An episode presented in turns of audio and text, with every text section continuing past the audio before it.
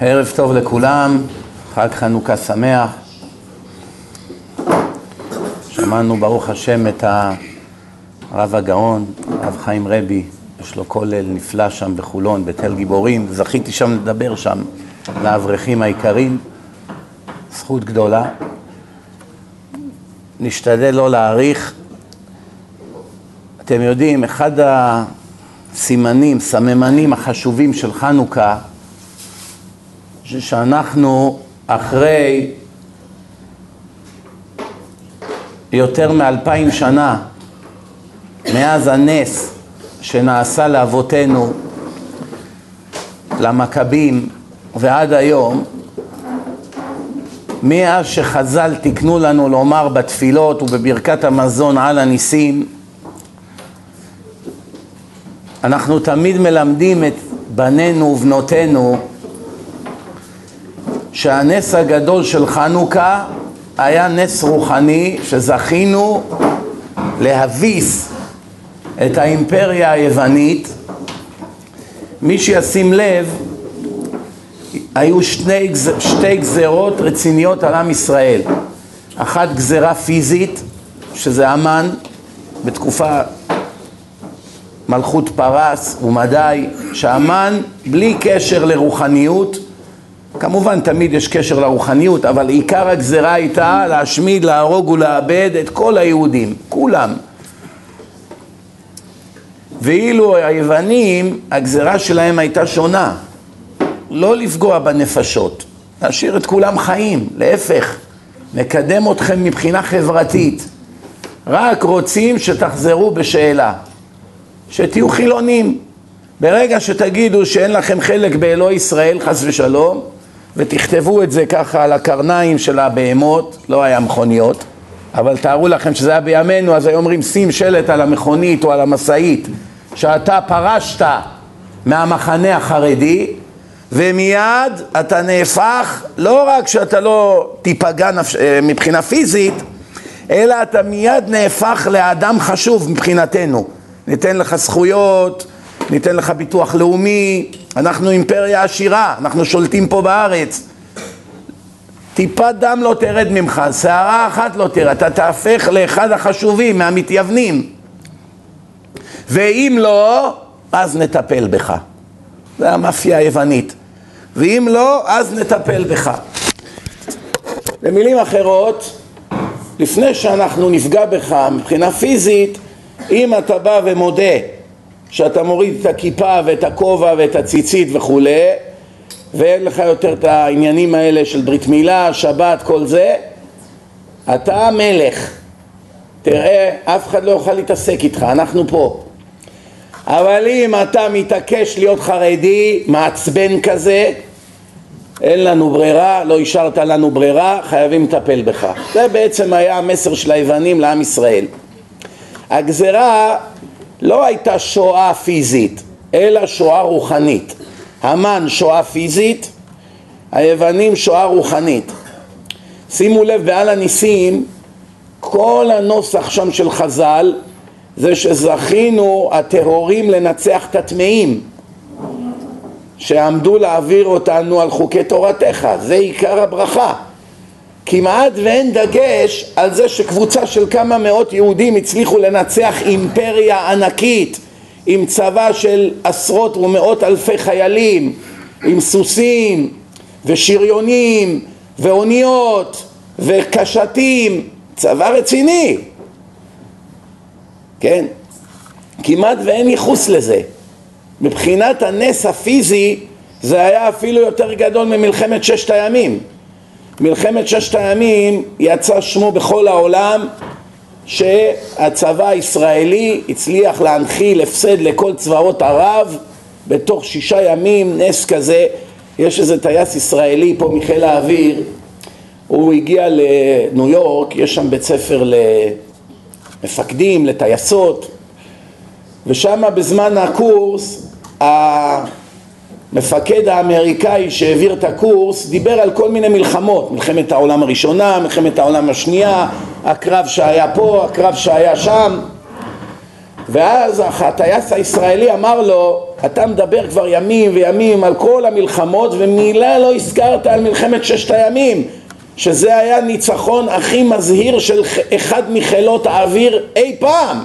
לא היה כזה דבר שהמטוסים שלנו השמידו את כל המטוסים שלהם והם כמעט לא נגעו בנו כלום מה ענה לו הגוי? הגוי האמריקאי אמר לו, שמע חביבי, פה באים ללמד איך להתנהג בזמן מלחמה בחיל האוויר. אני לא יכול ללמד על ניסים שהקדוש ברוך הוא עשה לכם. מה אתה רוצה שאני אדבר על ניסים שבורא עולם עשה בשבילכם? אם אני אלמד ככה פה כולם, מה ירוויחו פה מהקורס? זה אני לא מדבר, זה יודעים כולם שזה בורא עולם עשה לכם ניסים, אתם ה-chosen people. אמר את זה לטייס החילוני. פתאום האיר את עיניו, הגוי, הטייס הגוי האמריקאי האיר את עיניו של הטייס הישראלי. והוא סיפר אחר כך את הסיפור.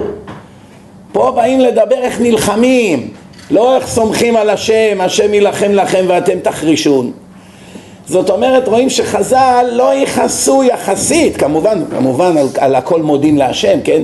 אבל לא שמו את הדגש על זה שמאות אנשים ניצחו כזו אימפריה ענקית. קרב, זה קרב אדיר מבחינה צבאית. לא על זה דיברו. על מה דיברו?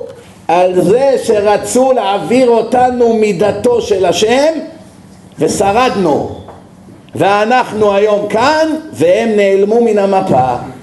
לא נשאר מהם זכר מכל תרבות יוון. כמה מוזיאונים, כמה עמודים שבורים וזהו. זה תרבות יוון.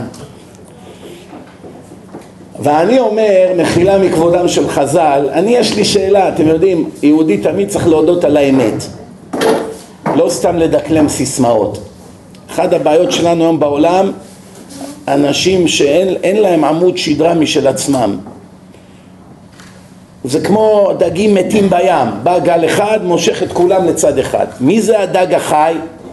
מי זה חי? זה ששוחה נגד הזרם, הוא יודע. זה אמת, זה לא אמת, אני בודק איפה ללכת. זה שיש שני מיליארד נוצרים שרצים אחרי הדת המטופשת הזאת. מה זה אומר? שגם אני צריך לרוץ לשם? זה שיש מיליארד וחצי מוסלמי, זה אומר שאני צריך לרוץ לשם? ממתי כמות מעידה על איכות, על אמת? יש בלי סוף חול בעולם עד שמוצאים איזה פירור של זהב או איזה יהלום באיזה מכרה כמות היא לא מעידה על כלום, להפך לפעמים דווקא המיעוט זה דבר מיוחד כמו שהשם אמר לכם, שהוא אוהב אותנו, אומר לנו, השם אמר לנו בתורה, הוא אוהב אותנו לא בגלל שאנחנו הרבים מכל העמים, כי אתם המעט מכל העמים. אדרבה, זה מראה על חביבות. אין הרבה כמותכם. אם היה עכשיו שלושה ארבעה מיליארד יהודים, היה לזה איזה חשיבות? מי היה מתייחס לזה? אה, כמו סינים, בלי סוף. אדרבה שיש קבוצה כזו קטנה, מה שנקרא VIP, קבוצה של עילית, כל כך קצת, ומנהלים עולם עם שבעה וחצי מיליארד, הכל סובב מסביבנו, זה דבר גדול. קבוצה קטנה מנהלת את העולם. כל מדינה ומדינה, בלי יהודים אין לה מדינה קיום, יודעים את זה. גם הגויים יודעים את זה. היום דיבר נשיא רוסיה, שהיה אחד הבכירים בקג"ב, פוטין. אומרים עליו שהוא גם האיש הכי עשיר בעולם, מעריכים אותו ב-200 מיליארד דולר. רק הוא לא ברשימה עם ביל גייטס וכל האחרים, כי הוא לא, הוא לא אמור להיות ביזנסמן, הוא נשיא. היום הוא דיבר, אמר שעם ישראל מה שהחזיק את עם ישראל למרות כל הגזרות זה שמירת התורה והמצוות. זה מה שהוא אמר היום, תסתכלו בדרשה שלו. כן, זה, זה הוא אמר. אחד האנשים החזקים בעולם, הוא מודה מה שהחזיק אתכם בנגד, כנגד כל הסיכויים זה הדבקות שלכם בדת, בשמירת התורה ובמצוות. ככה הוא אמר אפילו. אבל אני שואל שאלה חייבים להודות על האמת. האם באמת ניצחנו את תרבות יוון? או שהיוונים צוחקים עלינו מהגיהנום כבר אלפיים מאתיים שנה ואומרים אתם חושבים שאתם הבסתם אותנו? אנחנו מכאן השמדנו אתכם בלי שנהיה בכלל בעולם כי התרבות שהמצאנו חלחלה לכל אחד מכם בלב עמוק עמוק עמוק בואו נעשה סיור בארץ ונראה אם אין עיר בלי אצטדיונים, כדורגל, כדורסל, מכות, ג'ודו, קראטה, כל הספורט הזה מאיפה זה בא? ספרטה, מה זה ספרטה? זה עיר ביוון, הם המציאו את זה. מרוב הריקנות חיפשו משמעות לחיים, תחרות, הישגים. אדם הרי חייב משמעות, זה כל פסיכולוג יגיד לך. אם אדם אין לו משמעות בחיים, אין לו רצון לחיות. מה מניע את האדם? הרצון לחיות.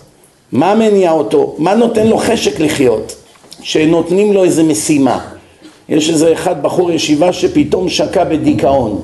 גם זה קורה. לפעמים זה קורה, למרות שזה לא אמור לקרות. אדם שבתורה היה אמור להיות בשיא העילאיות והעושר, אבל גם היו דברים מעולם שגם בחורי ישיבה שקעו בדיכאון. אז מה זה דיכאון? הוא לא קם בבוקר לתפילה, לא בא ללמוד עד שעה 10, 11, 12, גם כשהוא בא בשיעור הוא יושב, הוא הראש שלו במקום אחר, פרצוף כזה של חצי בוכה, דיכאון עמוק.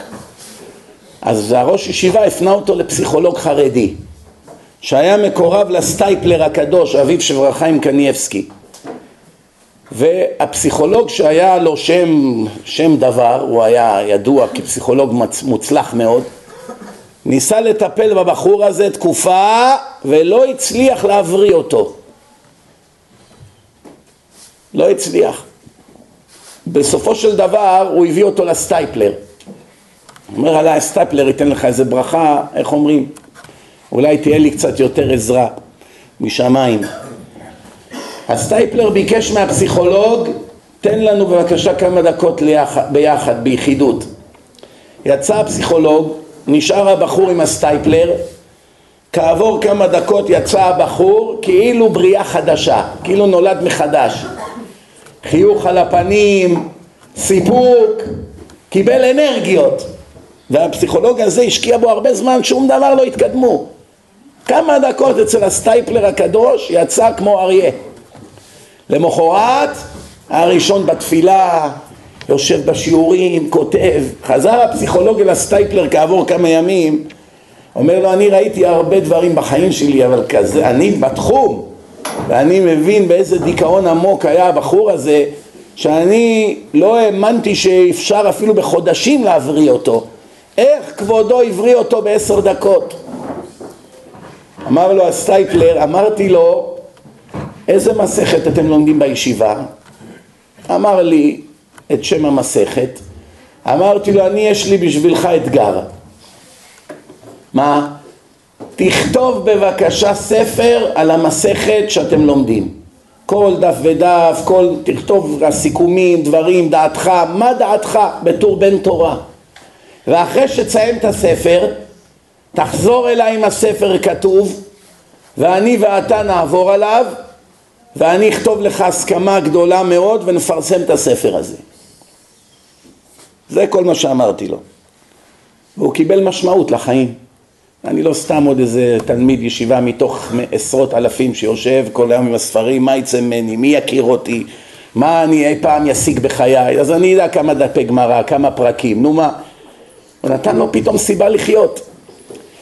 רוב האנשים עובדים קשה בביזנס, הורגים את עצמם, נסיעות, תראו איזה התמדה יש לגויים באמריקה, גם ליהודים. הם בשש בבוקר כבר בתנועה כדי לחסוך את הפקקים, הם במשרד כבר בשבע, לפעמים נשארים עד 11 בלילה, כל שבוע יש להם טיסה למקום אחר, תערוכות, פגישות, בתי משפט, מה מניע אותם?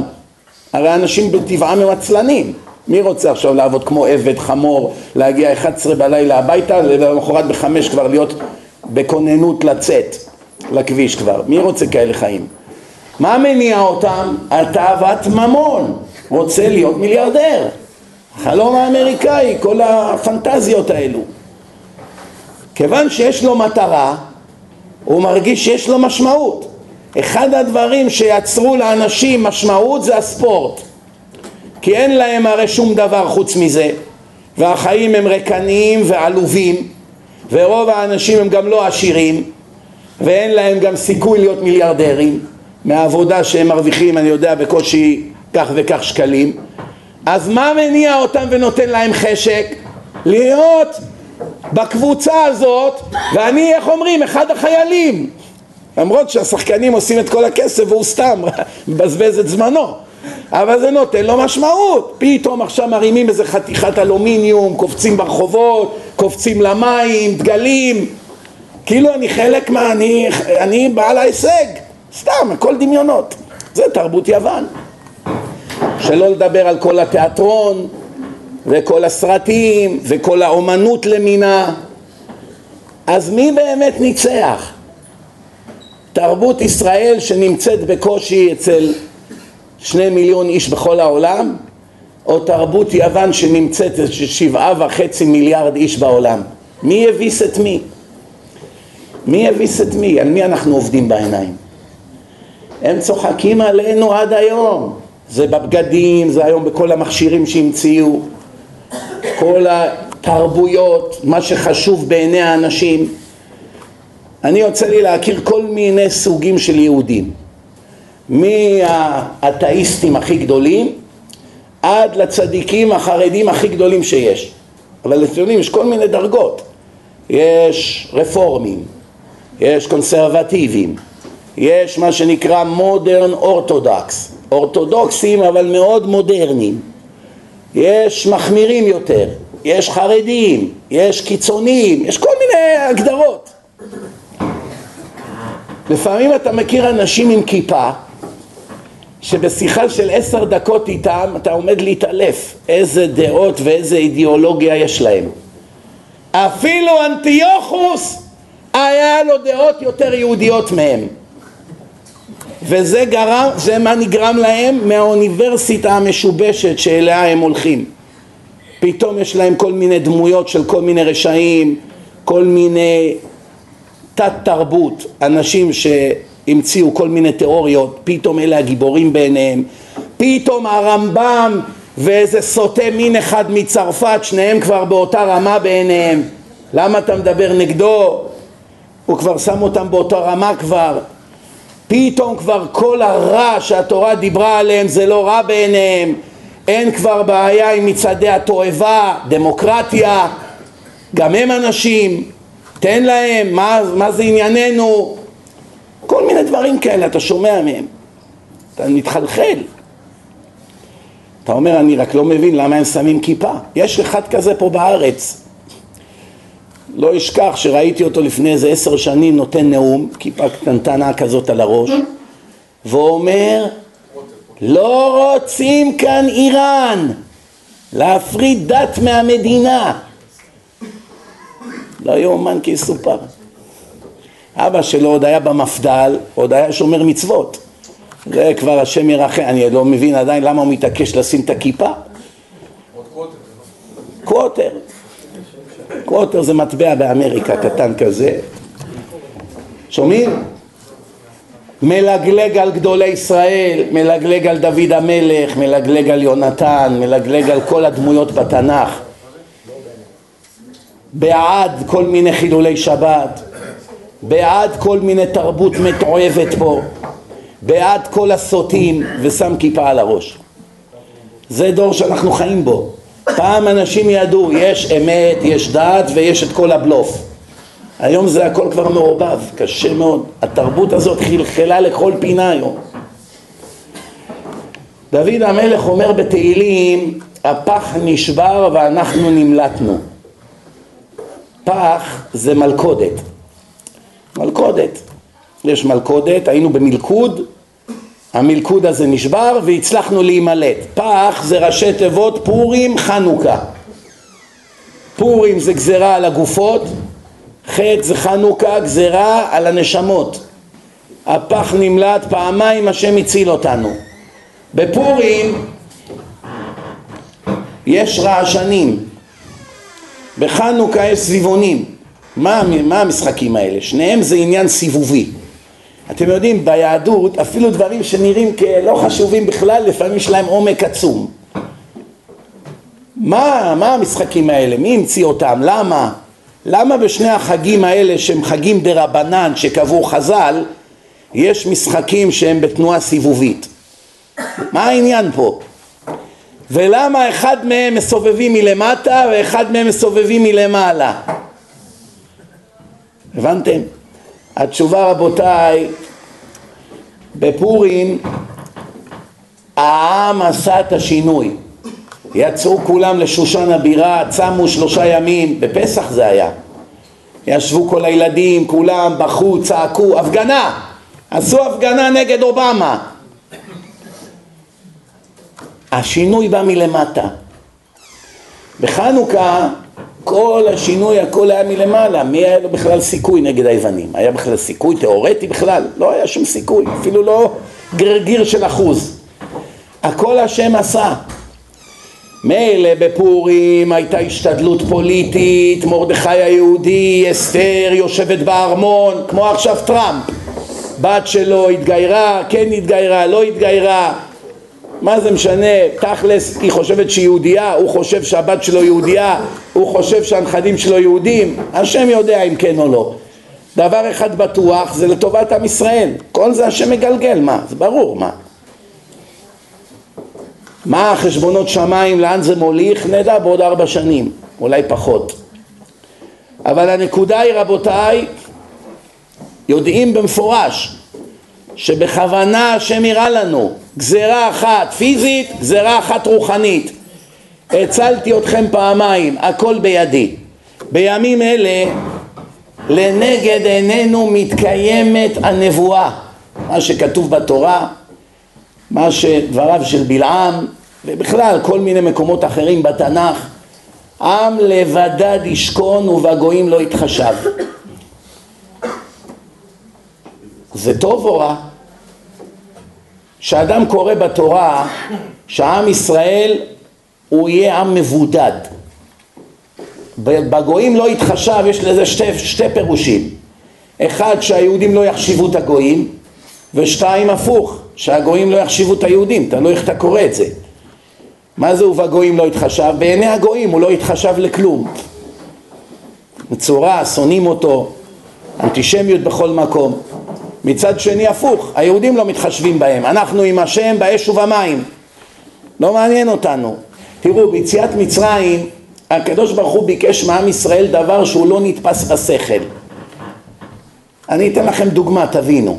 תאר לך שעכשיו אתה חי בסוריה או עיראק או איראן, אחת המדינות המוסלמיות, ובא איזה רב יהודי ונותן דרשה לקהילה היהודית, רבותיי, אנחנו עומדים לעזוב את עיראק או את איראן או את סוריה, עומדים לעזוב בימים הקרובים, לפני שאנחנו עוזבים אני רוצה שכל אחד מכם יעלה פה על המסגדים.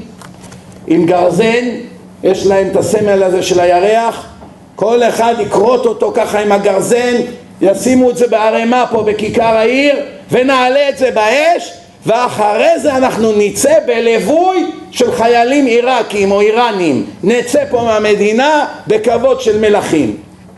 יש יהודי אחד שהיה לו אומץ לעשות את זה. אבל השתגעת כבוד הרב? איך אנחנו נעלה על המסגד? רק נגיע למסגד ישחטו אותנו. ועוד שלא לדבר לקרות את הזה. השם בא אומר לעם ישראל המצרים זוגדים לכבשים. הכבשים זה האלוהים שלהם אנחנו ניתן להם שיעור שהם לא חלמו מאיפה זה בא. הם משתחווים לנילוס, נטמא להם את הנילוס כולו דם. הם משתחווים לכבשים, נשחט להם את הכבשים קורבן פסח. כל אחד ייקח את האלוהים שלהם יקשור את זה למיטה ארבעה ימים. המצרים יגידו מה, מה עשית לאלוה שלי? אני הולך לעשות אותו על האש. עכשיו עולה על כנסייה מקום של כל האנטישמים שם, אוקראינה, כל המקומות האלה הולך, חותך להם את הצלב, מה אתה עושה? אני הולך לעשות מדורה לל"ג בעומר מה יעשו אלה? השתגעו האגו שלהם ישר מהומות ועוד היום עם כל האינטרנט והפייסבוק בכלל מיליארדים יצאו לרחובות לא יכול להיות שיישאר יהודי אחד בחיים אחרי כזה דבר מסכימים איתי או לא? אז זאת אומרת הניסיון היה עצום. השם אומר להם רבותיי בלי פחד. קחו את הכבשים הולכים לשחוט, בפנים תגיד להם הולכים לשחוט את האלוהים שלכם. לא נשאיר מכם זכר מכל התרבות שלכם, מכל הדת השקרית שלכם. וכולם עשו את זה. זהו בדיוק הנקודה. כולם הלכו ועשו והם לא יכלו לזוז. הם ראו את זה ונאכלו ולא יכלו לעשות שום דבר. אומר לך, עם לבדד ישכון ובגויים לא יתחשב, כמו שאמר הזוהר שלפני ביאת משיח, זה כתוב בזכריה י"ד, הנביא זכריה, נבואה אחת החשובות ביותר שיש על אחרית הימים, על סוף העולם, שלפני שיבוא משיח, ממש לפני, כל הגויים יקומו על ירושלים. כתוב מפורש, הנה אתם רואים את זה לנגד עיניכם. בזמן שהאמריקאים עשו לנו תרגיל ותקעו לנו סכין בגב, אז כל היהודים, אני מניח, גם אלה שיושבים פה, מי ששומע חדשות, התאכזבו מאוד, נכון? גם אני בעשר דקות הראשונות רתח לי אדם על חוסיין וחבריו, חוסיין אובמה. אבל אחרי כמה דקות אמרתי, רגע, רגע, הרי הכל השם מגלגל. חוק א' ב' שלנו, הכל השם מגלגל למען עם ישראל. הכל השם מגלגל. והרי הנבואות אומרות שלפני שמשיח יבוא זה בדיוק מה שיש, שהם יקומו וירצו לקחת את ירושלים בכוח. למרות שהם שקרנים גדולים, הרי הם יודעים שמעולם לא היה עם פלסטיני, כולם יודעים את זה, עד 1964 לא היה כאן שום עם כזה. עד שהביאו את ערפאת אחרי זה באוסלו והושיבו אותו פה. היו כאן סתם ערבים שחיו פה, קצת פה, קצת שם, וזהו, מעולם לא הייתה להם מדינה, לא היה להם אה, מטבע, לא היה להם המנון, לא הייתה להם ממשלה, אין להם תרבות. אחד שלח לי תמונה, המוזיאון להיסטוריה פלסטינית. חדר ענק, כל הקירות ריקים. למה? אין להם שום היסטוריה, כי מעולם לא היה עם כזה. תרבות יהודית, אין אומה בעולם שיש לה תרבות והיסטוריה עם זיכרונות יותר מהיהודים. רק הוותיקן, יימח שמם, יש להם שבע קומות מתחת של אוצרות יהודים. חצוצרות של בית המקדש, המנורה, כתבי יד של כל גדולי הרבנים בהיסטוריה, מאות של מאות של מיליארדים של דולרים, קבורים שבע קומות מתחת לוותיקן. אני מכיר רב אחד שהיה שם, בפרוטקציה הכניסו אותו. שומעים? ראה מה הולך שם, לא יאומן. כל מה שטיטוס וחבריו שדדו, יש שם בשער הניצחון ברומא תמונות של עבדים מחזיקים את המנורה ומובלים בשלשלאות לגלות אחרי החורבן של בית בית המקדש השני.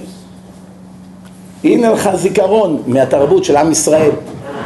הם כבר הגיעו לכזו רמה של שקר שכבר מכחישים שהיה בית המקדש שם אפילו. עובדים יום ולילה לחפור שם ולהרוס כל זכר מההיסטוריה היהודית. והם חושבים שהם יצליחו לסלף את המציאות של ההיסטוריה ושל העולם, רק הם לא יודעים שהם סך הכל כלי בידיו של השם. כי ככה פסוק מפורש בנביא שהם יקומו כולם על ירושלים ואחר כך הקדוש ברוך הוא יצא למלחמה נגדם וינקום בהם על האלפי שנה שהם ייסרו אותנו. הם בעצם כרגע בהצבעה הזאת שהייתה באו"ם או בכל שאר הדברים שהם עושים הם מכינים לעצמם טוב טוב את הקבר. קוברים אותו, הם חופרים אותו, מכינים אותו ליום שמגיע בקרוב.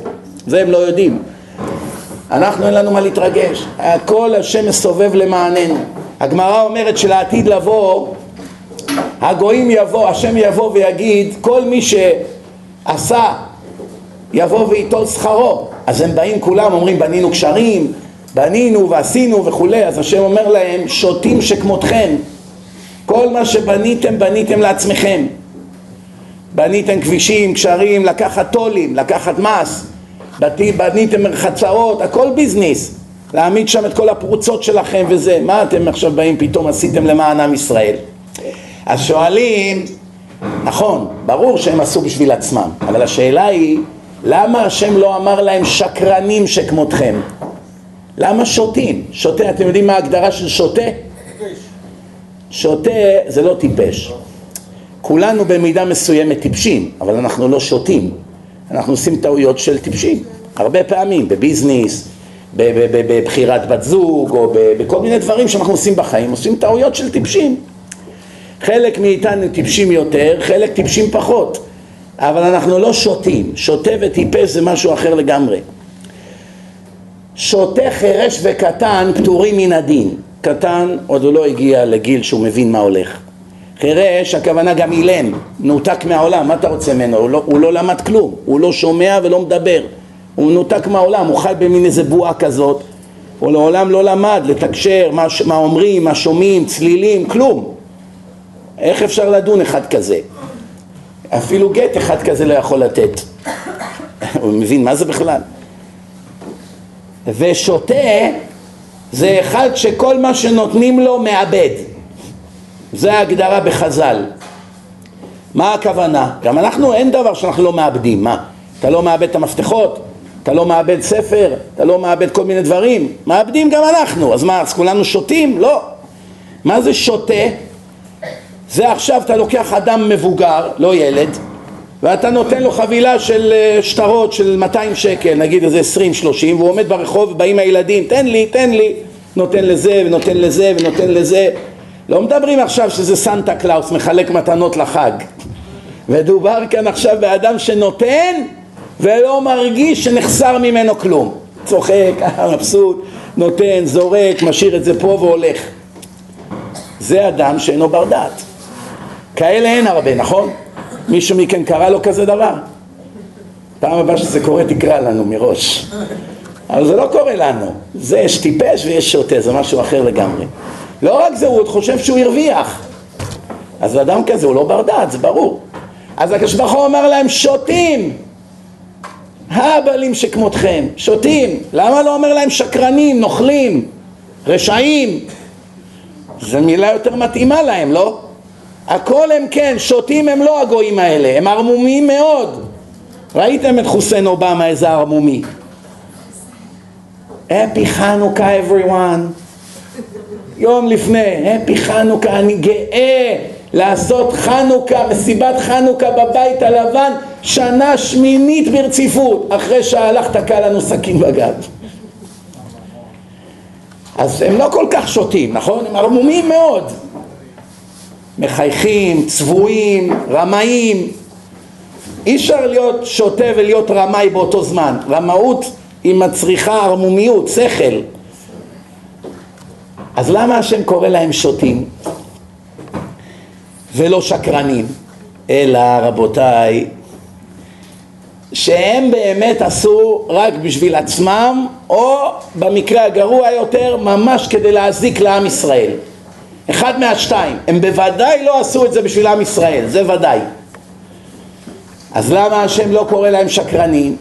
כי הם לא ידעו שבעצם כל מה שהם עושים למען עצמם או כדי להזיק לעם ישראל זה הכל בתוכנית של השם כדי להציל את עם ישראל.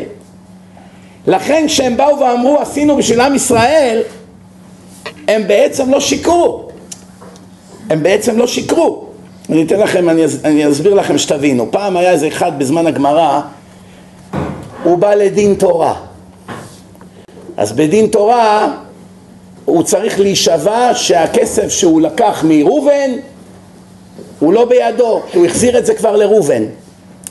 אז ראובן הזה עומד שם בבית דין, אומר כבוד הדיינים, הוא גנב ממני כך וכך כסף.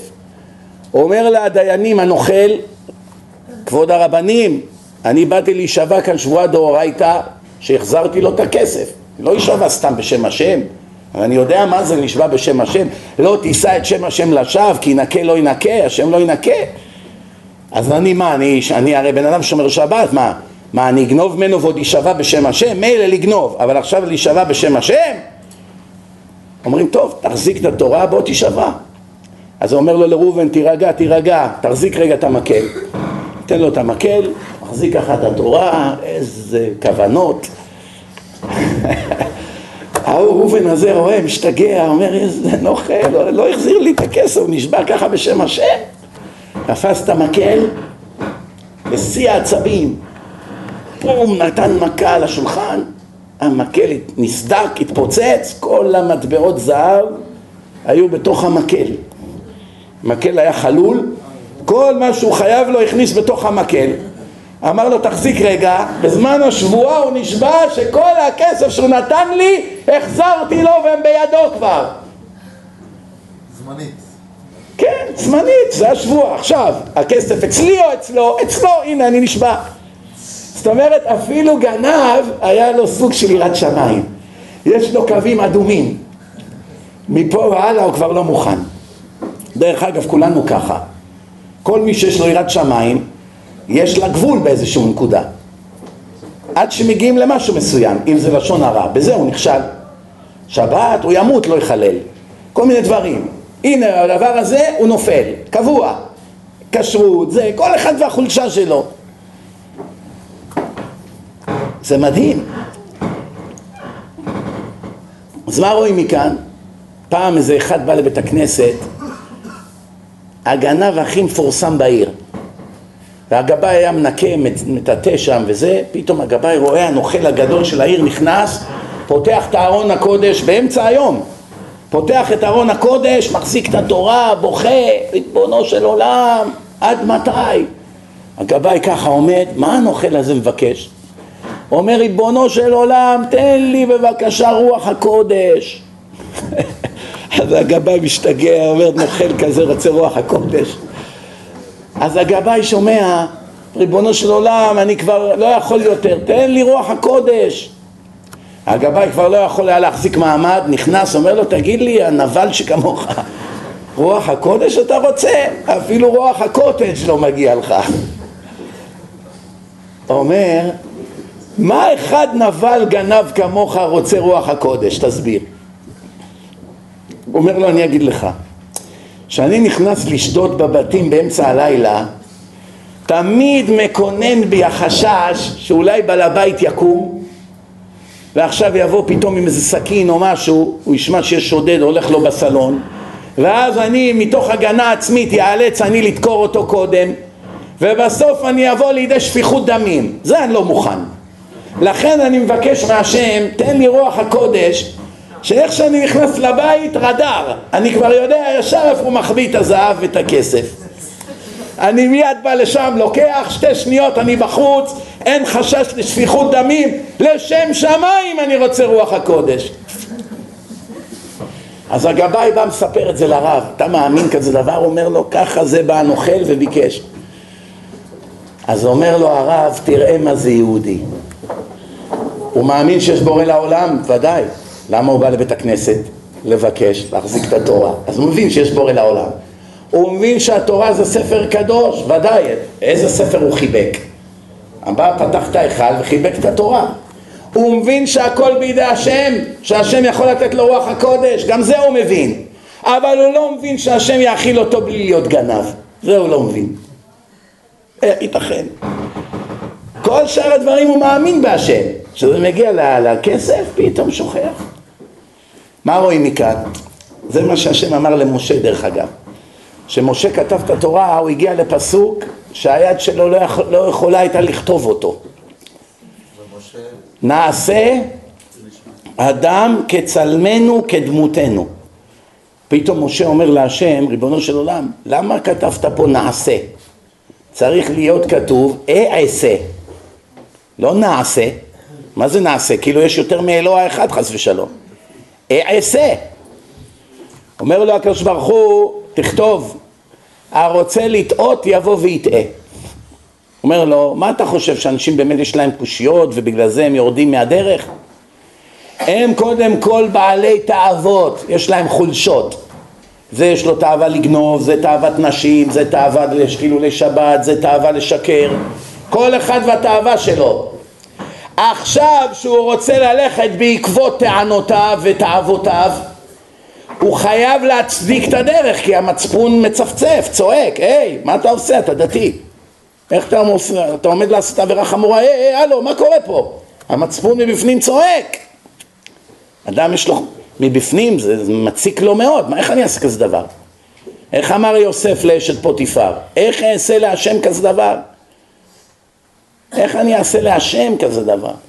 חוץ מזה שבעלך הוא מעסיק אותי פה וכולי, ו... אבל איך אני אעשה את זה להשם? מה רואים מכאן? המצפון של האדם נועד כדי לשמור עליו, להגן עליו. אז כדי שהמצפון יפסיק לצפצף, מה עושים? כמו מכונאי, בא אליו אחד, אומר לו יש לי המנוע נדלק, צ'ק אנג'ן, תבדוק את המנוע. ככה מהבהב. אז אומר לו המכונאי, יש שתי דרכים לטפל בבעיה, דרך אחת שלושה ימים, דרך אחת שלוש דקות. שלוש דקות מאה שקלים, שלושה ימים חמשת אלפים שקלים, איזה מהם אתה רוצה? אומר, בטח שלוש דקות. הוא אומר, לך תקנה לך איזה שתייה שם, תחזור. הוא חוזר, אין, אין מנורה. נסע 200 מטר, נשרף האוטו. חוזר אליו, אומר לו, מה? אומר, אתה רצית שתי דקות. אומר, מה עשית? אומר, חתכתי את החוט. החוט של המנורה, חתכתי אותו. הנה, מה הבעיה? צריך על טיפול שורש, להחליף מנוע, לטפל, ברור, זה ברור. אז מה עושה אדם? כדי לכבות את המנורה הזאת שמציקה, הוא צריך למצוא טיעונים, ואז הוא מתחיל. כבוד הרב, שמעתי זה אפיקורס אחד, הוא טוען כך וכך. הוא אומר, כתוב בתורה ככה, וחז"ל אמרו ככה, פתאום נהיה למדן. פתאום מה? הוא כבר גמר בדעתו, או במודע או בתת מודע, שהוא כבר לא יכול יותר להחזיק מעמד עם החולשה הזאת שיש לו, והוא הולך בדרך העקומה, עכשיו הוא מחפש להצדיק את דרכו. ככה זה עובד, לא הפוך. אה, נהיו לו קושיות ובעקבות זה הוא ירד מן הדרך. שטויות. אני אומר לכם גם מניסיון. זה לא רק בגלל שהשם אמר את זה למשה זה אמת. זה גם אמת בגלל שרואים את זה במציאות. רואים את זה. כל האנשים זה הכל תירוצים. הכל תירוצים. הוא רוצה לעשות עבירות והוא מתחיל לחפש איפה אני אמצא טיעונים כדי להשתיק את אלה שהולכים לקטול אותי ולבקר אותי. ואז הוא מוצא כל מיני טענות, הוא גם מתחיל לחפש גם פתאום, ואז כשנהיה לו מספיק הוא נרגע. הנה, אתה רואה? יש מה לענות. וככה זה עובד. אותו דבר הגנב הזה, הוא בא לבית הכנסת, כל מיני טיעונים יש לו, יש לו חולשה לגנוב. בהכל הוא מבין, פתאום כשזה מגיע לזה אין השם. פתאום שוכח שיש השם, שוכח את כל הדברים האלה. תדעו לכם רבותיי, מה שכתוב בנבואת בלעם, כתוב שם עוד דבר אחד. כתוב שמה, כתוב שמה שבלעם היה לו חלום. בלעם היה הנביא העיקרי של הגויים, שקול כנגד משה. חז"ל אומרים כל מה שמשה ידע, בלעם ידע. מה היה החלום של בלעם? בלעם אמר תמות נפשי מות ישרים ותהי אחריתי כמוהו מי זה מות ישרים? עם ישראל, הרי בלעם נותן נבואה לעם ישראל אז מה הוא אומר? אני רוצה למות מות ישרים כמו שהיהודים אני רוצה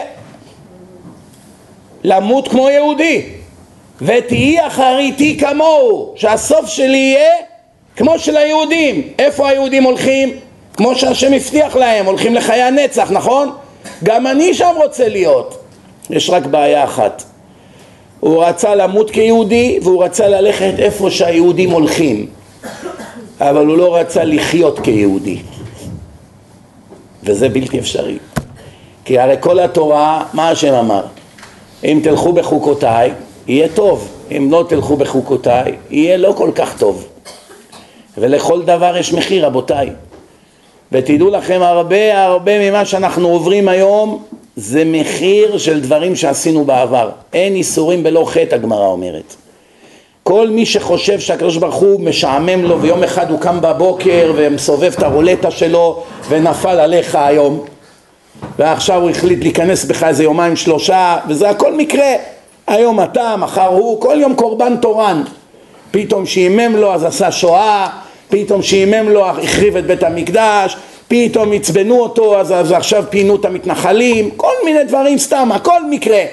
יש כאלה אנשים עם כיפה על הראש. אני כל הזמן שומע את הביקורת שלהם. ניסיון אני אומר לכם. איך אתה אומר שהשואה הייתה עונש? אז אני שואל אותם, אז מה זה היה פרס? אין להם מה לענות. אבל מי שם, שם אותך לדבר בשביל השם? אני לא מדבר בשביל השם, אני רק אומר מה אומרים הנביאים ומה כתוב בתורה. שאין דבר, הגמרא אומרת, אין איסורים בלא עוון, אין, אין כזה דבר. אם לא מהגלגול הזה, מהגלגול שעבר. בסופו של דבר משלמים על משהו. לא תמיד יודעים על מה, זה כן, אבל ודאי שמשלמים על משהו. כי אם לא, מי שאומר אחרת הוא כופר, הוא לא מצטרף למניין, תדעו לכם את זה. חד וחלק. מי שאומר שיש מציאות שאנשים יסבלו סתם כי השם משעמם לו, מלבד הסוגיה של איסורים של אהבה, יש מושג שהרמב"ם חולק עליו, הוא לא מקבל אותו, אבל בכל זאת יש גדולי ישראל שסוברים שיש כזה דבר איסורים של אהבה. מה פירוש? שהשם אוהב את הצדיק כל כך הרבה, שהוא כל כך מושלם, שלא מגיע לו שום עונש, כלום. לא על ביטול תורה, לא על ש... אה, לשון הרע, לא על שום דבר. והשם נותן לו איסורים כדי לשלש את שכרו ולהגדיל ולהגדיל כדי לעולם הבא שיהיה לו עוד יותר ועוד יותר ועוד יותר. אבל גם אלה שסוברים שיש כזה דבר איסורים של אהבה, כולם מודים שלא ייתכן שהאיסורים של אהבה יגרמו ליהודים להתבטל מתורה ומצוות. זה לא איסורים של אהבה. אם אדם עכשיו נפל למיטה בקומה בבית חולים חודשיים והוא לא יכול ללמוד יותר גמרא, חודשיים הוא הפסיד לימוד, זה איסורים של אהבה? מה פתאום, זה העונש הכי גדול שיכול להיות. בן אדם הפסיד מיליארד מצוות, איזה איסורים של אהבה זה? אדם שנגיד סתם כואב לו הגב, כל בוקר קם, כאבי גב, עד שהוא מזדקף וזה, אבל הוא מגיע לישיבה, יושב ולומד כרגיל. זה יכול להיות איסורים של אהבה, זה לא ביטל אותו מהלימוד. קצת קשה לו, כואב לו, יושב, קם, כאבים כל היום, בסדר, זה איסורים של אהבה, ייתכן. אבל איסורים שיגרמו לך שלא תוכל להניח תפילין, לא תוכל להתפלל, אתה לא רואה בעיניים, כל מיני דברים כאלה, זה ודאי לא יכול להיות איסורים של אהבה, זה איסורים שמביא אותך או לידי עבירות או לידי ביטול שמירת מצוות, זה ודאי לא איסורים של אהבה. בפרט שהרמב"ם סובר שבכלל אין כזה דבר, למרות שיש על זה דיון וכולי. טוב, לא ניכנס עכשיו למחלוקת גדולי עולם. אבל דבר אחד ברור, כל איסורים שגורמים סבל לאדם, כמו שקרה לנו בפוגרומים ובשואה וכל הדברים האלה שקורים לנו, שצריכים לחלל עליהם שבת, וצריכים להעמיד חיילים בכל מקום, באמצע החגים, באמצע ראש השנה, באמצע יום כיפור, חיילים שרוצים לצום ולהתפלל בבית הכנסת בכל נדרי או בתפילת נעילה, כל הדברים האלה, הם צריכים עכשיו לעמוד באיזה מקום ששם כל מיני ישמעאלים כל רגע עומדים לקפוץ ולרצוח, זה ודאי לא איסורים של אהבה, וזה מה שכתוב בתורה, הגוי אשר בקרבך יעלה מעלה מעלה ואתה תרד מטה מטה, אם לא תשמעו בקולי זה מה שיקרה לכם. ונאספתם אל עריכם וחרב תעבור בארצכם והבאתי עליכם חרב נוקמת נקם ברית. ברית, מה זה ברית? ברית מילה גם הערבים עושים. כבר התורה אמרה לך מי הוא זה שיענה אותך? והזוהר אומר כאשר ישראל למעלה ישמעאל למטה כאשר ישראל למטה ישמעאל למעלה כל ההתעצמות של הערבים בשלושים שנה האחרונות הערבים התעצמו בשלושים שנה האחרונות יותר ממה שהם התעצמו בשלושת אלפים שנה. כשאני הייתי ילד, הלכתי למשפחה שלי בעפולה, הייתי אני חושב בן שש, חמש, הלכתי ברחוב מהמסעדה של דוד שלי לבית עשר דקות הליכה. שאלו אותי, אתה יודע? כן, לך ישר ימינה, שנייה אחת היה לי בדרך, אתה בטוח שאתה יודע ללכת? כן. הלכתי בדרך, ראיתי ערבי הולך עם כאפיה אז הם היו הולכים עם כפיים ככה ברחובות וזה. ראיתי איזה ערבי, נכנסתי לבהלה, התחלתי לרוץ, לבכות, שאלתי אנשים וזה, מרוב הבהלה.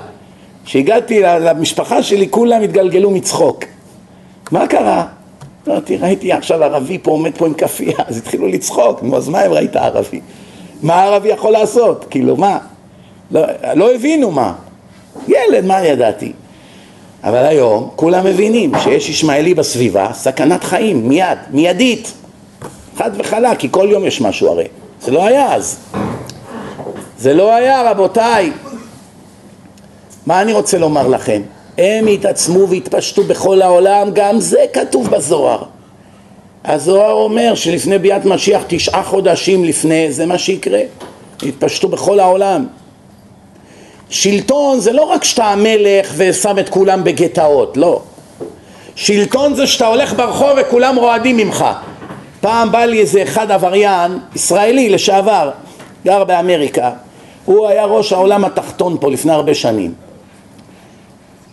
ראש העולם התחתון בגדול, כל שהוא היה פה עיתון העולם הזה, כל שבוע הוא היה בכותרת, בדף הראשי. אז הוא בא אליי, התחיל לחזור בתשובה, ברוך השם זכיתי להחזיר אותו בתשובה, נהיה צדיק, חמש הוא בנץ כבר, מקווה, טוב, ברוך השם. אבל מי שרואה אותו, איך שאתה רואה אותו אתה מתעלף. איך אומרים? כולו צלקות, משהו, אתה ישר רואה איזה בן אדם, היה לו היסטוריה. פעם אחת הוא אומר לי, תשמע, כשאתה בא לכאן, אתה לא צריך לשים כסף במטחן. תשים פתקה עם השם שלי על החלון, אף אחד לא ייגע באוטו שלך, אל תדאג. חשבתי, הוא צוחק, עוד לא הכרתי מי זה. אז אחד אמר לי, מה אתה מחייך? הוא מתכוון לזה. אף אחד לא יעז לתת לך רפורט, רק תשים שזה אוטו שלו, שים את זה בחלון, אפילו הגויים שנותנים רפורט אישה בברוקלין, כבר יודעים אם זה מסוכן להתעסק איתו. מציאות היום, כל אחד ישמעאלי שהולך, ככה אתה מרגיש, מה? עכשיו אתה רואה, עולה לאוטובוס, אנשים יורדים. בטיסות, אתה, יודעים מה עוברים בטיסות? עכשיו באתי, בדרך כלל אני טס מקנדי, מניו יורק, הפעם טסתי מניו ג'רזי. אני בא לשער, הוא מוקף בחומה. אי אפשר לבוא לשבת בכיסאות. כתוב אזור מאובטח, אזור אין כניסה, הכל סגור. עד כמה דקות לפני הטיסה אי אפשר לשבת מול זה של, של הטיסה לארץ. השדה תעופה יש בו מאות גייטים, מאות שערים. הגייט שטס לישראל כולו חומה מסביב.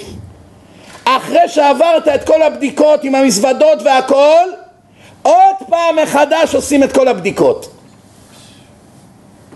עוד פעם מזוודות, עוד פעם פותחים, עוד פעם באים ומגלים, ככה תרים את הידיים. למה? אולי מאיזה אחד המסעדות תפסת סכין, נכנסת, התפלחת. בתוך השדה לא חסר דברים? לא חייב להיות רובים. יכול להיות סכינים, יכול להיות מי יודע מה הוא הביא, אני יודע מה, מהמטבח של אחד המסעדות פה. מחדש בודקים את הכל. זה מה שכתוב בתורה, והשלכתי עליכם בהלה. כולם יחיו בבהלה רבותיי. וזה יתקיים בנו לצערנו הרב, כל הקללות האלה. ומי שאומר לך אחרת, או שהוא מדומיין, או שהוא עיוור, או שהראש שלו לא עובד. משהו פה לא עובד אצלו. אי אפשר להתכחש למציאות.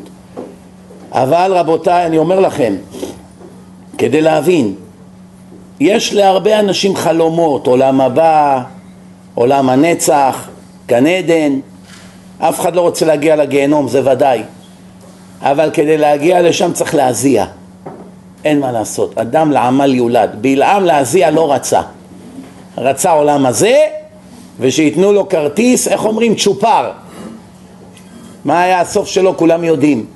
הגמרא אומרת, בלעם אין לו חלק לעולם הבא. אז במסכת סנהדרין הגמרא דנה במלכים שאין להם חלק לעולם הבא, אחד מהם הזכירו את בלעם. מכאן מבינים שלגויים יש עולם הבא, הגויים הצדיקים. גויים ששומרים שבע מצוות בני נוח, אוהבים את עם ישראל, יש להם גן עדן. יוצא מציאות שגויים יגיעו לגן עדן וחלק מאחיותינו ומאחינו לא יגיעו. כי אין אפליה אצל השם. גוי עשה את רצון השם, יש לו מקום בגן עדן. יהודי מרד בהשם, איבד את מקומו, אין לו חלק לעולם הבא, זה כתוב הרבה פעמים בגמרא. אלה שקוראים לעצמם דתיים וצועקים מה אתה אומר כאלה דברים? למה אתה אומר ככה? אין כזה דבר עונש אצל השם. הם שוכחים שבשלושה עשר עיקרים של התורה אחד משלושה עשר העיקרים, שאם אתה כופר באחד מהם אתה בעצם כופר בעיקרים של היהדות. איך תצטרף למניין? אם אדם אומר אין כזה דבר משיח, אפיקורס, אין תחיית המתים, עזוב אותך משטויות, אתה מאמין בזה? אפיקורס. אם אדם אומר אין כזה דבר עונש, הכל טבע, אפיקורס. אחד משלושה עשר עיקרים, מהי? מהו? מהו? שהקדוש ברוך הוא משלם שכר לצדיקים ומעניש לרשעים. זה אחד מהעמודים של היהדות. יש לך עכשיו בניין עומד על שלושה עשר עמודים. תוריד עמוד אחד, הבניין מתמוטט רבותיי. יש סיבה למה שמו בכל מקום עמוד. תוריד שניים קל וחומר. ויש הרבה כאלה שקוראים לעצמם דתיים או מודרן אורתודקס או כל מיני שמות והם באמת מערערים על היסודות של היהדות. יש שני סוגי רשעים ובזה נסיים, נבין את הסוגיה. יש שני סוגי רשעים בעולם. יש אנשים שהם רשעים בגלל תאוות, זה נקרא לתיאבון. שימו לב תמיד בשולחן ערוך, מחלל שבת בפרהסיה אף על פי שעושה לתיאבון, אוכל נבלות וטרפות לתיאבון. יש את הביטוי הזה לתיאבון. מה זה תיאבון? תאוות, תאוות החומר. לא חס וחלילה שהוא שונא את השם, או שלא מאמין שיש השם, או שהוא לא מאמין שהתורה היא אמת. לא, מסורתי, מנשק את המזוזה כל יום, שם תהילים בגרביים שהוא הולך לשחק בשבת. הוא מאמין בהשם, מה השאלה בכלל? שיש לו איזה צרה, מס הכנסה, שלחו לו הזמנה, ישר הוא פתאום קורא את כל התהילים. יש לו מסורת. רק מה? מלא בתאוות. הוא לא שולט בעצמו, כל הזמן רוצה סמים, לעשן, רוצה לאכול דברים לא, לא, לא, זה בשבת רוצה לנסוע עם החבר'ה לים, זה הכל תאוות החומר, אם זה בחורות, אם זה בחורות שמתלבשות בחוסר צניעות, הרבה מהן שומרות שבת, אני מכיר מאות בחורות כאלה, שומרות שבת והולכות בשיא הפריצות ברחוב, מחטיאות את הרבים, הרבה מהן לא מבינות מה גודל החורבן, אם הן היו יודעות כמה עבירות נכנס להן כל יום לתיק, את השערות שלהם הם היו מורטות. מיום אחד שהן מסתובבות ככה ברחוב, רק מה נעשה? הם לא מבינים, מדברים אליהם ולא מבינים. אוזניים להם ולא ישמעו. אלה העבירות שנחשב לתיאבון. לא שעכשיו היא מורדת בהשם, בטח שאני מאמינה בהשם, מה אני אוכלת כשר ושומרת שבת, מה אני גם קורא תהילים, אני מה, מה אני, אני, אני, אני לא, אני אפילו, מה אתה קורא לי חילונית? אני לא חילונית, אני דתייה, מה איזה חילוני שומר שבת? נכון? מצד שני, עבירה חמורה מאוד של החטאת הרבים.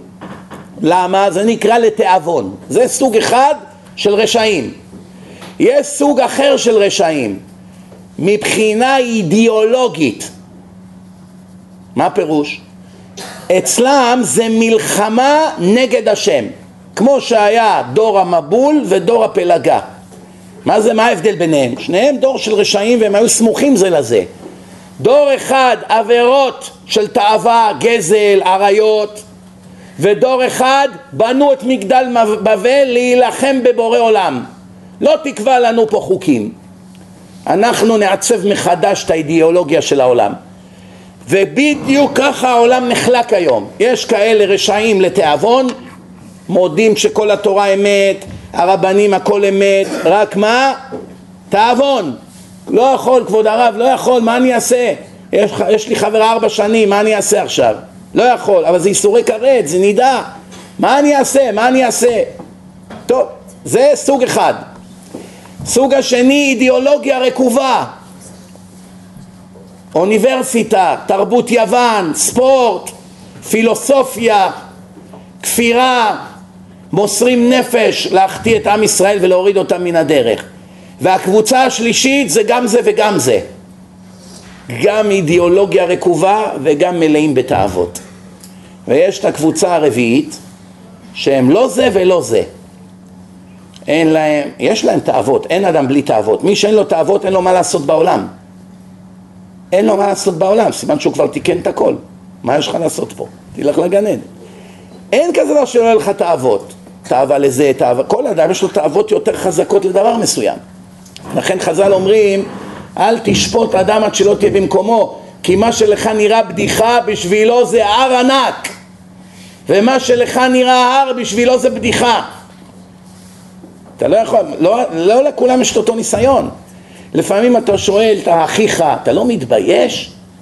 אתה שומר שבת, הולך ללמוד כל יום שעה בישיבה והלכת למסעדה הזאת ואכלת שם? אתה לא מתבייש? אתה אומר, איך זה יכול להיות? אתה שומר שבת שלוש שנים ואתה לא יודע איזה קשה לו זה היה, מה שנראה בעיניך בדיחה. ולפעמים הפוך, מה שלך קשה הוא צוחק, אומר איך אתה, איך אתה מתקשה בזה? כל אדם והייחודיות שבניסיון שלו. אבל דבר אחד צריכים לדעת, יש כאלה שהצליחו גם להתגבר על התאוות וגם ליישר את האידיאולוגיה שלהם עם הקדוש ברוך הוא. כשאנחנו גדלנו במדינה הזאת לימדו אותנו הכל הפוך מהאידיאולוגיה של השם, הכל הפוך. מי שחזק שולט, אל תהיה פראייר, אל תיתן שינצלו אותך, כמה שיש לך יותר בחורות אתה יותר גבר. תעשה מה שבא לך רק תדאג לא להיתפס. זה מה שלימדו נו לא צריך לספר. כוחי ועוצם ידי טייס קרב חייל קומנדו. מה עכשיו ג'ובניק סתם ממלא טפסים? זה מה שלימדו אותנו. מאה אחוז להיות גויים. יום אחד אתה מגלה את השם זה לא מספיק עכשיו להיות רובוט, שומר שבת, להתחיל להניח תפילין, לבוא לתפילה, לדקלם כמה מילים. לא נגעת עוד בנקודה בכלל. השם יותר מקפיד על אידיאולוגיה רקובה. אתה שם כיפה על הראש ואתה אומר, מה כל כך נורא במצעד הגאווה? אתה רקוב מהיסוד, זה הרבה יותר גרוע מלאכול חזיר, איפה אתה חי בכלל?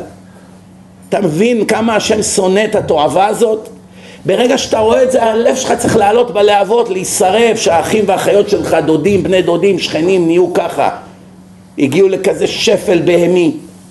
איבדו צלם אנוש, ועוד מתגאים בזה, וואו. יש סטיות ויש מחלות נפש, תמיד החביאו את זה.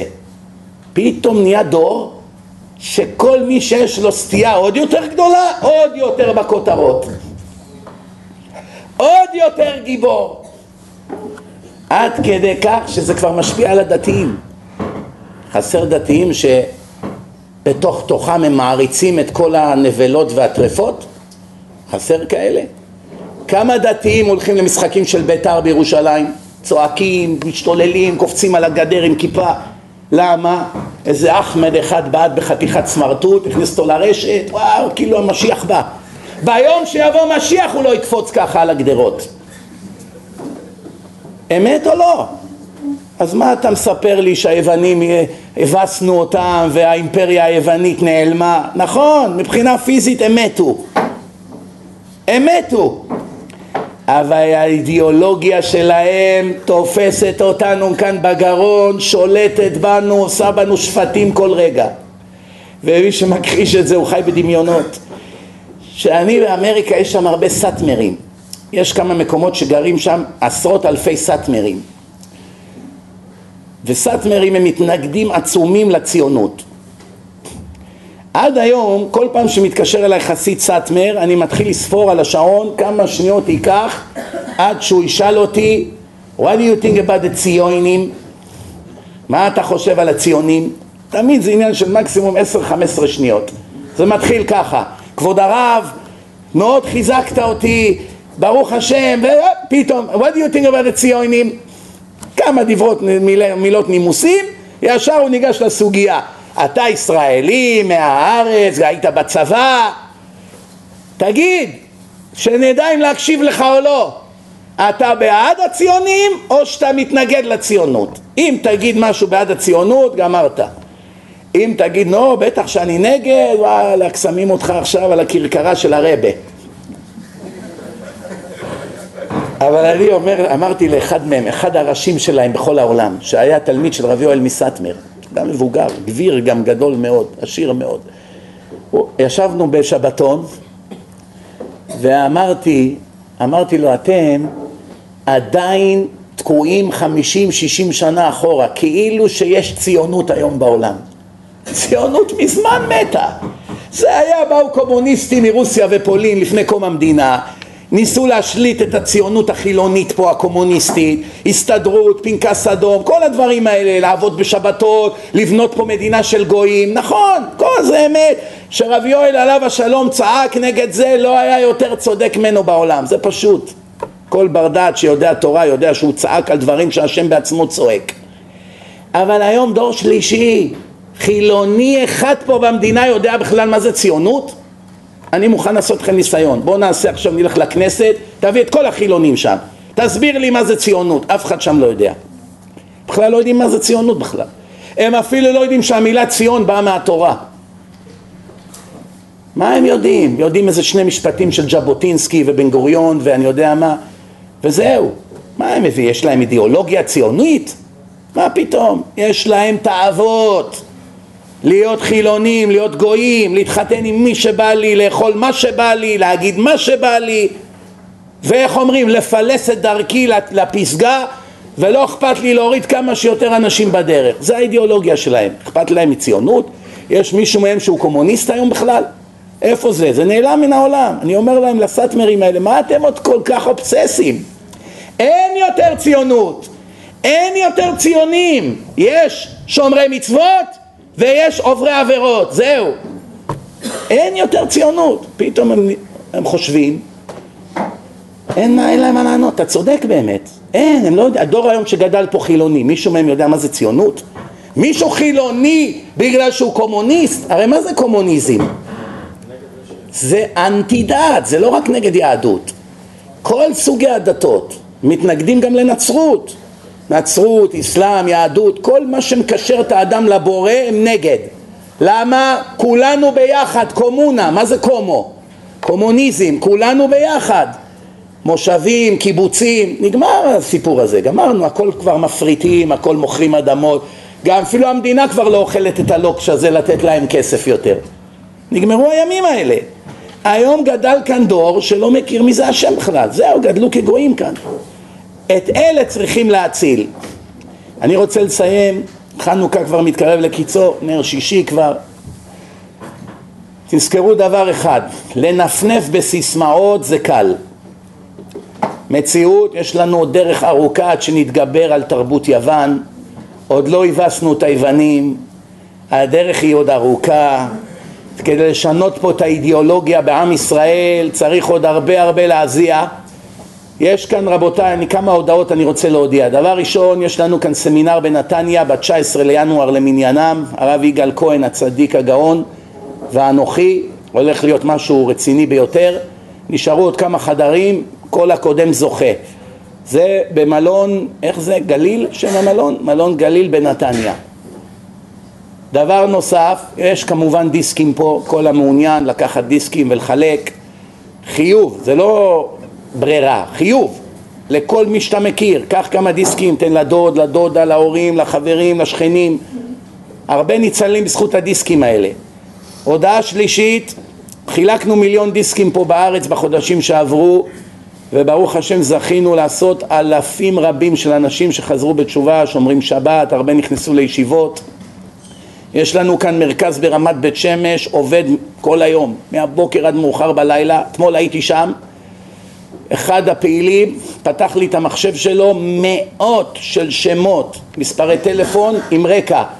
איך הוא הגיע אליהם מדיסק כזה ומדיסק כזה ומהרצאה שהייתי פה ומהרצאה שהייתי שם. הרבה מהאנשים באים מההרצאות שאנחנו עשינו ומההרצאות של הרב זמיר כהן שיחיה. הרבה צריכים פולו-אפ אי אפשר רק לחזור בתשובה ולא לדעת מה לעשות. המרכז הזה איך אומרים עובד חזק ועוד דבר כיוון שיש לנו ביקוש עצום לדיסקים ונגמרו לנו הדיסקים זהו אז אנחנו בעזרת השם נתחיל עכשיו עוד מבצע של חצי מיליון דיסקים עוד חצי מיליון, אין ברירה, כל הפעילים מתקשרים, אני צריך דיסקים, אני צריך חמשת אלפים, אני צריך עשרת אלפים, אני צריך חמש עשרה אלף, אין לנו מה לתת להם. וזה ממש פיקוח נפש. כל מי שמעוניין להשתתף במבצע האדיר הזה שאנחנו נתחיל אותו בשבועות הקרובים, לפנות לצדיק שחר שמה, יהודי שמוסר את נפשו למען השם, אני מכיר אותו כבר מעל חמש עשרה שנה. אני, אני לא זכיתי עוד להכיר אדם כזה בכדור הארץ, באף מקום. באף מקום, לא, לא, לא מצאתי עוד בן אדם כמוהו. כל כך נקי כפיים, כל כך ישר, כל כך אוהב ישראל, בוער בתוכו להציל כמה שיותר נפשות. בזכותו כל המבצע של הדיסקים היה, הוא זה שהתחיל את הכל. בזכותו יש אלפים של אלפים שהיום לומדים תורה כל יום. והוא עכשיו יהיה ממונה גם כן על המבצע החדש. המספר הטלפון שלו 054-842-0242 הוא נמצא ברמת בית שמש. כל מי שמעוניין יש עמותה יש כאן בחוץ את יואל הצדיק שמוסר נפש. כל פעם שאני מגיע לארץ הוא מביא דוכן הוא שם אותו בחוץ, קור, חום, הכל בהתנדבות, שום דבר הוא לא מבקש אגורה לעצמו תמיד הוא בא איפה שלא יהיה, אילת יגיע, קריית שמונה מגיע, בלי שום חשבון כל הצבא של מתנדבים, כולם אבישי ואופיר, כל מי שאתם רואים פה, כולם מוסרים יום ולילה, הם כל הזמן בכוננות, כמו מגן דוד, לנשמות. אמצע הלילה, הוא יכול להגיד לכם אופיר, אמצע הלילה, זה אנחנו בקושי ישנים. ועובדים על זה כמה שיותר לקרב אנשים וזה עובד, כל עוד זה עובד, ישתבח שמולד. ולכן אני אומר, יש פה בחוץ את יואל, ברוב ההרצאות שחר שמה יבוא בעצמו עם מכונה של כרטיסי אשראי, מי שאין לו עליו מזומן יכול לתרום מהמעשרות, אפשר להוריד את זה ודאי מהמעשרות, זו זכות אדירה. שלחתי שליח לרב חיים קניאבסקי, איש חשוב, לשאול אותו מה עדיף, לתרום להחזרה בתשובה או לעמלי תורה. כולם יודעים שהתורה מלאה בשבחים על מי שתומך בעמלי תורה. לא צריך להוסיף על זה, כולם כבר יודעים כמה זה דבר גדול. אמר רב חיים קניאבסקי, בדור הזה יותר מצב חירום להחזיר כמה שיותר יהודים בתשובה לפני הסוף. זאת אומרת, אתה משקיע בהשקעה הכי טובה שיש, וגם כן ברוך השם יש לנו אחוזים אדירים כנגד כל הסיכויים, אתם לא מבינים איך אנשים מדיסק אחד משתנה להם כל החיים, זה עובד, זה בדוק, יש לנו אלפים של הודעות, אלפים כל שנה שאנחנו שומרים, מקליטים, אימיילים, הודעות, אנשים שזה לא יאומן פשוט, לא יאומן כי יסופר, ותדעו לכם יש הרבה מהמפורסמים שאתם רואים אותם בטלוויזיה שהם בסתר כבר דתיים, ואני רק בגלל שהם ביקשו ממני לא לפרסם, אני לא אומר את השמות שלהם, אבל אנשים שלא היית מאמין מי, שהם כבר שומרים, ואפילו את האור במקרר הם מנתקים בשבת. כמובן, יש עוד לכולנו הרבה מה להשתפר, אבל תנצלו את זה בעזרת השם. תודה רבה למארגנים גם, תודה רבה, לילה טוב.